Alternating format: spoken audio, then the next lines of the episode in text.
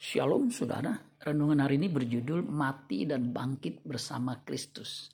Kolose 2 ayat 20 sampai 23.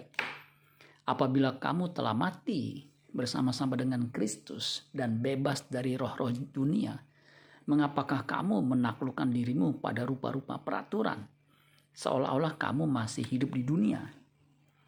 Jangan jamah ini, jangan kecap itu, jangan sentuh ini, Semuanya itu hanya mengenai barang yang binasa oleh pemakaian dan hanya menurut perintah-perintah dan ajaran-ajaran manusia. Peraturan-peraturan ini walaupun nampaknya penuh hikmat dengan ibadah buatan sendiri seperti menyiksa, seperti merendahkan diri, menyiksa diri, tidak ada gunanya selain untuk memuaskan hidup duniawi. Kemudian Kolose 3 ayat 1 sampai 4. Karena itu, kalau kamu dibangkitkan bersama dengan Kristus, carilah perkara yang di atas, di mana Kristus ada, duduk di sebelah kanan Allah. Pikirkanlah perkara yang di atas, bukan yang di bumi. Sebab kamu telah mati dan hidupmu tersembunyi bersama dengan Kristus di dalam Allah. Apabila Kristus yang adalah hidup kita menyatakan diri kelak, kamu pun akan menyatakan diri bersama dengan Dia dalam kemuliaan. Hanya orang yang telah mati bersama dengan Kristus yang akan dibangkitkan bersama dengan Kristus untuk tinggal di kerajaan kekalnya.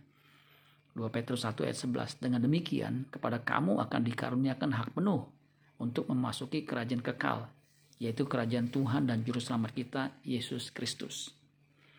Proses kematian manusia lama atau kodrat dosa digambarkan dengan sakramen baptisan yang dilakukan sekali seumur hidup Roma 6 ayat 3 sampai 6. Atau tidak tahukah kamu bahwa kita semua yang telah dibaptis dalam Kristus telah dibaptis dalam kematiannya.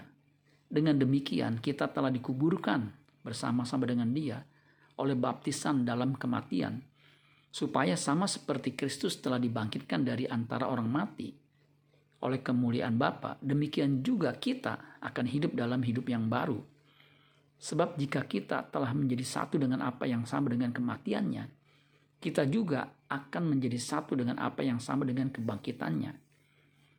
Karena kita tahu bahwa manusia lama kita telah turut disalibkan, supaya tubuh dosa kita hilang kuasanya, agar jangan kita menghambakan diri lagi kepada dosa.